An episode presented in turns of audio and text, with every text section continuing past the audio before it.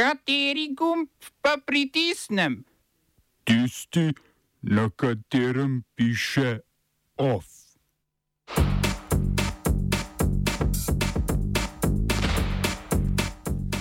Magna bo državi vrnila celotno subvencijo za hoško lakirnico. Traktori odslej v center Ljubljane samo z dovolilnico. Polski predsednik Duda podpisal zakon o preiskavi ruskega vpliva na javne uslužbence. Azijska razvojna banka Šrilanki odobrila novo posojilo.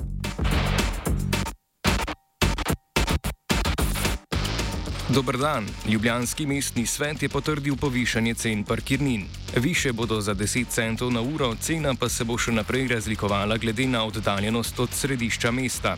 Sprememba odloka o urejanju prometa, v katerem so cene določene, bo začela veljati s 5. junijem. Odlog ponovem vsebuje tudi člen, ki uvaja globo v višini 160 evrov za vožnjo tovornega vozila, traktorja ali delovnega stroja skozi območje ožjega mestnega središča brez ustrezne dovolilnice.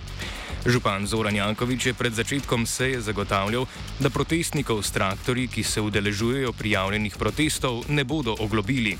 Pomisleke glede županove trditve sta izrazila mestni svetnik Aleš Princ in svetnica iz vrst levice Urša Honzagak, ki sta opozorila, da je uvedba globe zaradi kmečkih protestov izredno omenjena v obrazložitvi odloka. Koalicija liste Zorana Jankoviča in Gibanja Svoboda uvedbo člena utemeljuje kot zapolnitev pravne praznine.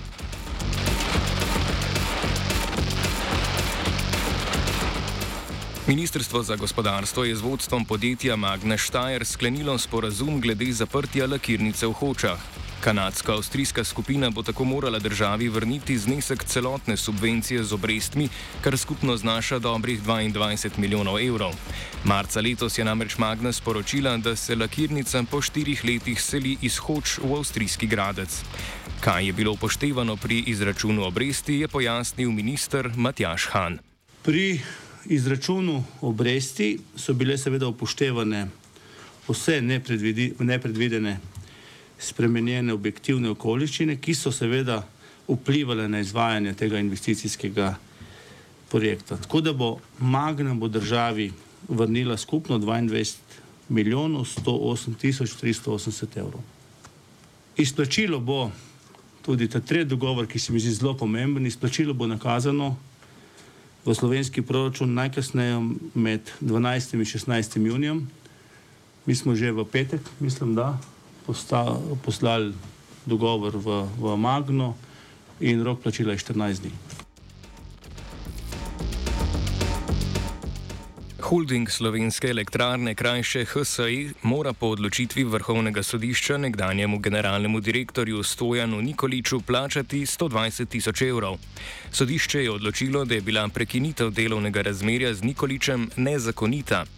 Nikolič je bil z položaja razrešen med prestrukturiranjem nadzornega sveta HSE novembra 2020 v sklopu kadrovskih rošat tretje Janševe vlade.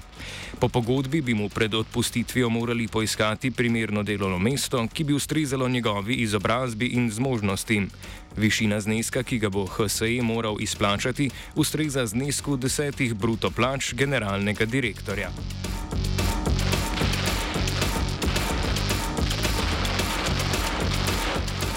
Na vseh treh javnih univerzah poteka stavka zaposlenih. Odpadel je pedagoški proces, izpiti in kolokviji, ustavili so raziskovalno dejavnost in knjižničarsko delo. Visokošolski sindikat Slovenije zahteva redno usklajevanje plač z inflacijo, skladnost plač visokošolskih učiteljev in zdravnikov specialistov ter odpravo plačnih krivic. Ministr za visoko šolstvo Igor Papič je stavko označil za nepotrebno, saj da so v večmesečnih pogajanjih že razrešili večino neplačnih zahtev sindikata.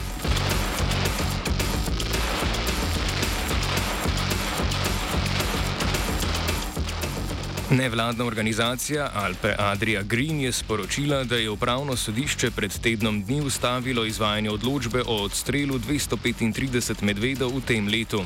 Odločbo je aprila izdalo Ministrstvo za naravne vire in prostor, kasneje je Alpe Adria Green uložila tožbo. Pri Alpe Adria Green trdijo, da so lovske družine obvestilo o ustavitvi izvajanja odločbe prijele tri dni po odločitvi. Tako naj bi lovci, kot trdijo v nevladni organizaciji, odstrel že izvedli. Ministr za naravne vire in prostor Uroš Brežan je nam men odločbe pojasnil s tem, da gre za preprečitev resne škode in zagotavljanje zdravja in varstva ljudi.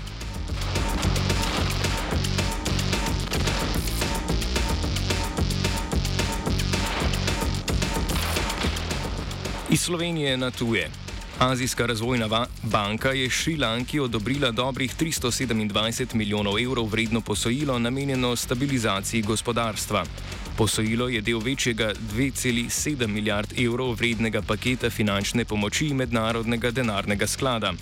Da bo paket izplačan v celoti, mora šrilanška vlada zagotoviti neodvisnost in samostojnost centralne banke ter izvesti reforme upravljanja javnih financ in davčne politike, kar v praksi pomeni više davke. Aprila je minilo eno leto, odkar je Šrilanka zaradi nezmožnosti odplačevanja 43 milijard evrov zunanjega dolga razglasila bankrot. Ukrajinski parlament je sprejel paket sankcij proti Iranu. Glasovanje je potekalo dan po sporočilu ukrajinskega generalštaba, da je Rusija v nedeljskem bombardiranju Kijeva uporabljala drone, proizvedene v Iranu. Nedeljsko bombardiranje Kijeva je bilo največji tovrstni napad na ukrajinsko prestolnico od začetka vojne. Poleg izvoza vojaškega blaga sankcije prepovedujejo tranzit iranskih izdelkov skozi Ukrajino in let iranskih letal v ukrajinskem zračnem prostoru. Rusija je ta mesec z Iranom sicer podpisala sporazum o financiranju iranske železniške proge. Ta bo del mednarodnega prometnega koridorja Sever-Jug in bo povezovala Rusijo z Indijskim oceanom ter tako poskušala konkurirati Sueškemu prekopu. Ukrajinski parlament je po predlogu predsednika Volodimirja Zelenskega potrdil tudi prenos dneva zmage nad nacizmom z 9. na 8. maj. Praznik 9. maja naj bi bil namreč del ruske propagande za upravičevanje vojne v Ukrajini, zato bo v Ukrajini odslej dela prost dan en dan prej.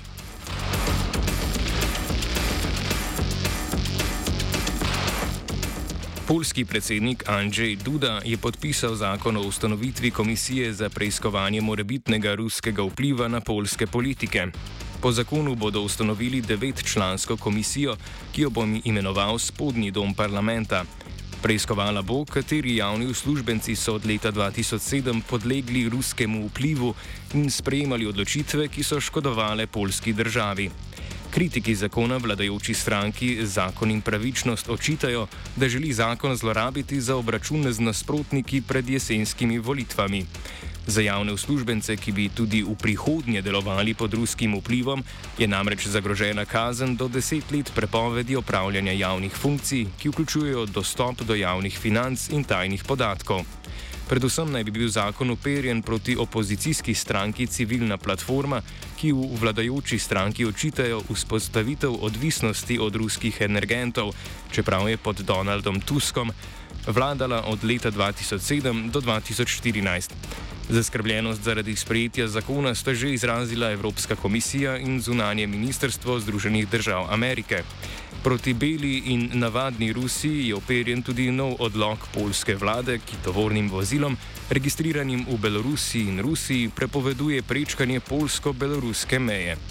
V veljavo bo stopil s 1. junijem, ne pojasnjujejo pa, če bo to veljalo tudi za odsek polsko-ruske meje pri ruski eksklavi Kaliningrad.